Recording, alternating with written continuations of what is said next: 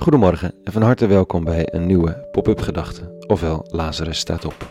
Elke werkdag schrijf ik ochtends vroeg voordat de dag begint een overweging, geïnspireerd op de Bijbellezingen van de dag.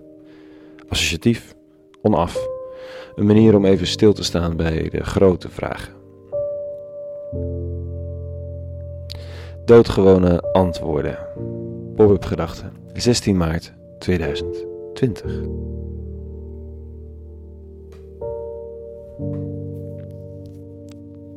De wereld is veranderd sinds de laatste pop-up gedachte vrijdag. Het kan hard gaan in een weekend.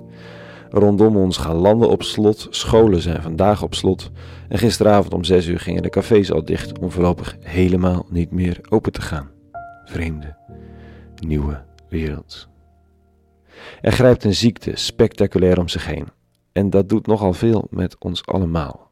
Momenten van wanhoop, voor jezelf, voor een kwetsbare geliefde, voor de kwetsbare vluchteling die een onvoorstelbaar veel donkerder tijd tegemoet gaat.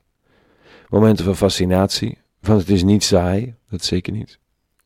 Momenten van hoop, omdat de mensen zulke fantastisch lieve dingen bedenken en uitvoeren. Momenten van angst voordat wat ons nog te wachten kan staan. Van alles. In de lezing van vandaag gaat het over een zieke en het zet me aan het denken. Het gaat over een zieke Syriër geen vluchteling, wel in nood, niet arm en behoeftig, maar machtig juist.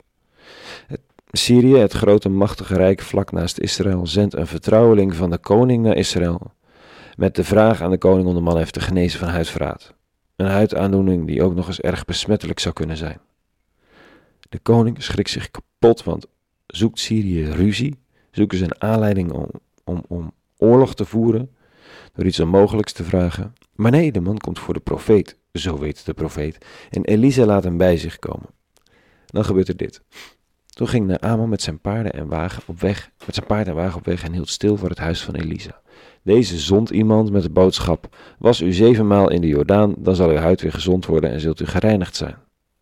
Toen werd Naaman boos en hij ging heen. Hij zei: Ik had gedacht, hij zal naar buiten komen en voor me gaan staan. Dan zal hij de naam van de Heer zijn God aanroepen, met zijn hand over de plek strijken en de ziekte wegnemen. Zijn de Abana en de Parper, de rivieren van Damascus, soms niet beter dan al de wateren van Israël? Kan ik mij daarin niet wassen om gereinigd te worden? Hij keerde zich om en ging verontwaardigd heen. Maar zijn dienaren gingen naar hem toe en zeiden: Vader, gesteld dat de profeet u iets moeilijks opgedragen had, dan had u het toch ook gedaan? Waarom dan niet? nu hij u zegt dat u u maar hoeft te wassen om weer rein te worden. Briljante verhaalwending. Als hij iets moeilijks had opgedragen, had hij het toch ook gedaan. En ja hoor, de Syrië en Aman baat zich, wordt gezond, realiseert zich dat er in Israël werkelijk contact is met een grootse godheid en, en knielt neer. Dat zinnetje van de dienaren in tijden van ziekte.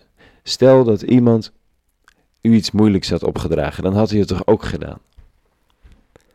Er komt bij de eeuwige, als het gaat om genezing, maar ook om geluk en wijsheid, nooit heel veel aan tierenlantijnen te pas. Behalve de offers dan. Dat is enigszins bizar. Extreem ook.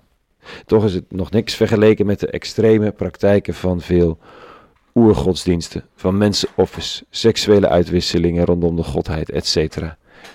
De Joodse godheid was en is op een bepaalde manier heel clean. Het heilige der heiligen is leeg. Er wordt niet met afgodsbeelden gesjouwd. Er zijn geen rare voorschriften waarmee je God de hele tijd te vriend moet houden, anders wordt hij boos. Het is iets anders. Het is eenvoudiger. Het is meer down to earth. En de vraag is of dat ons iets kan leren.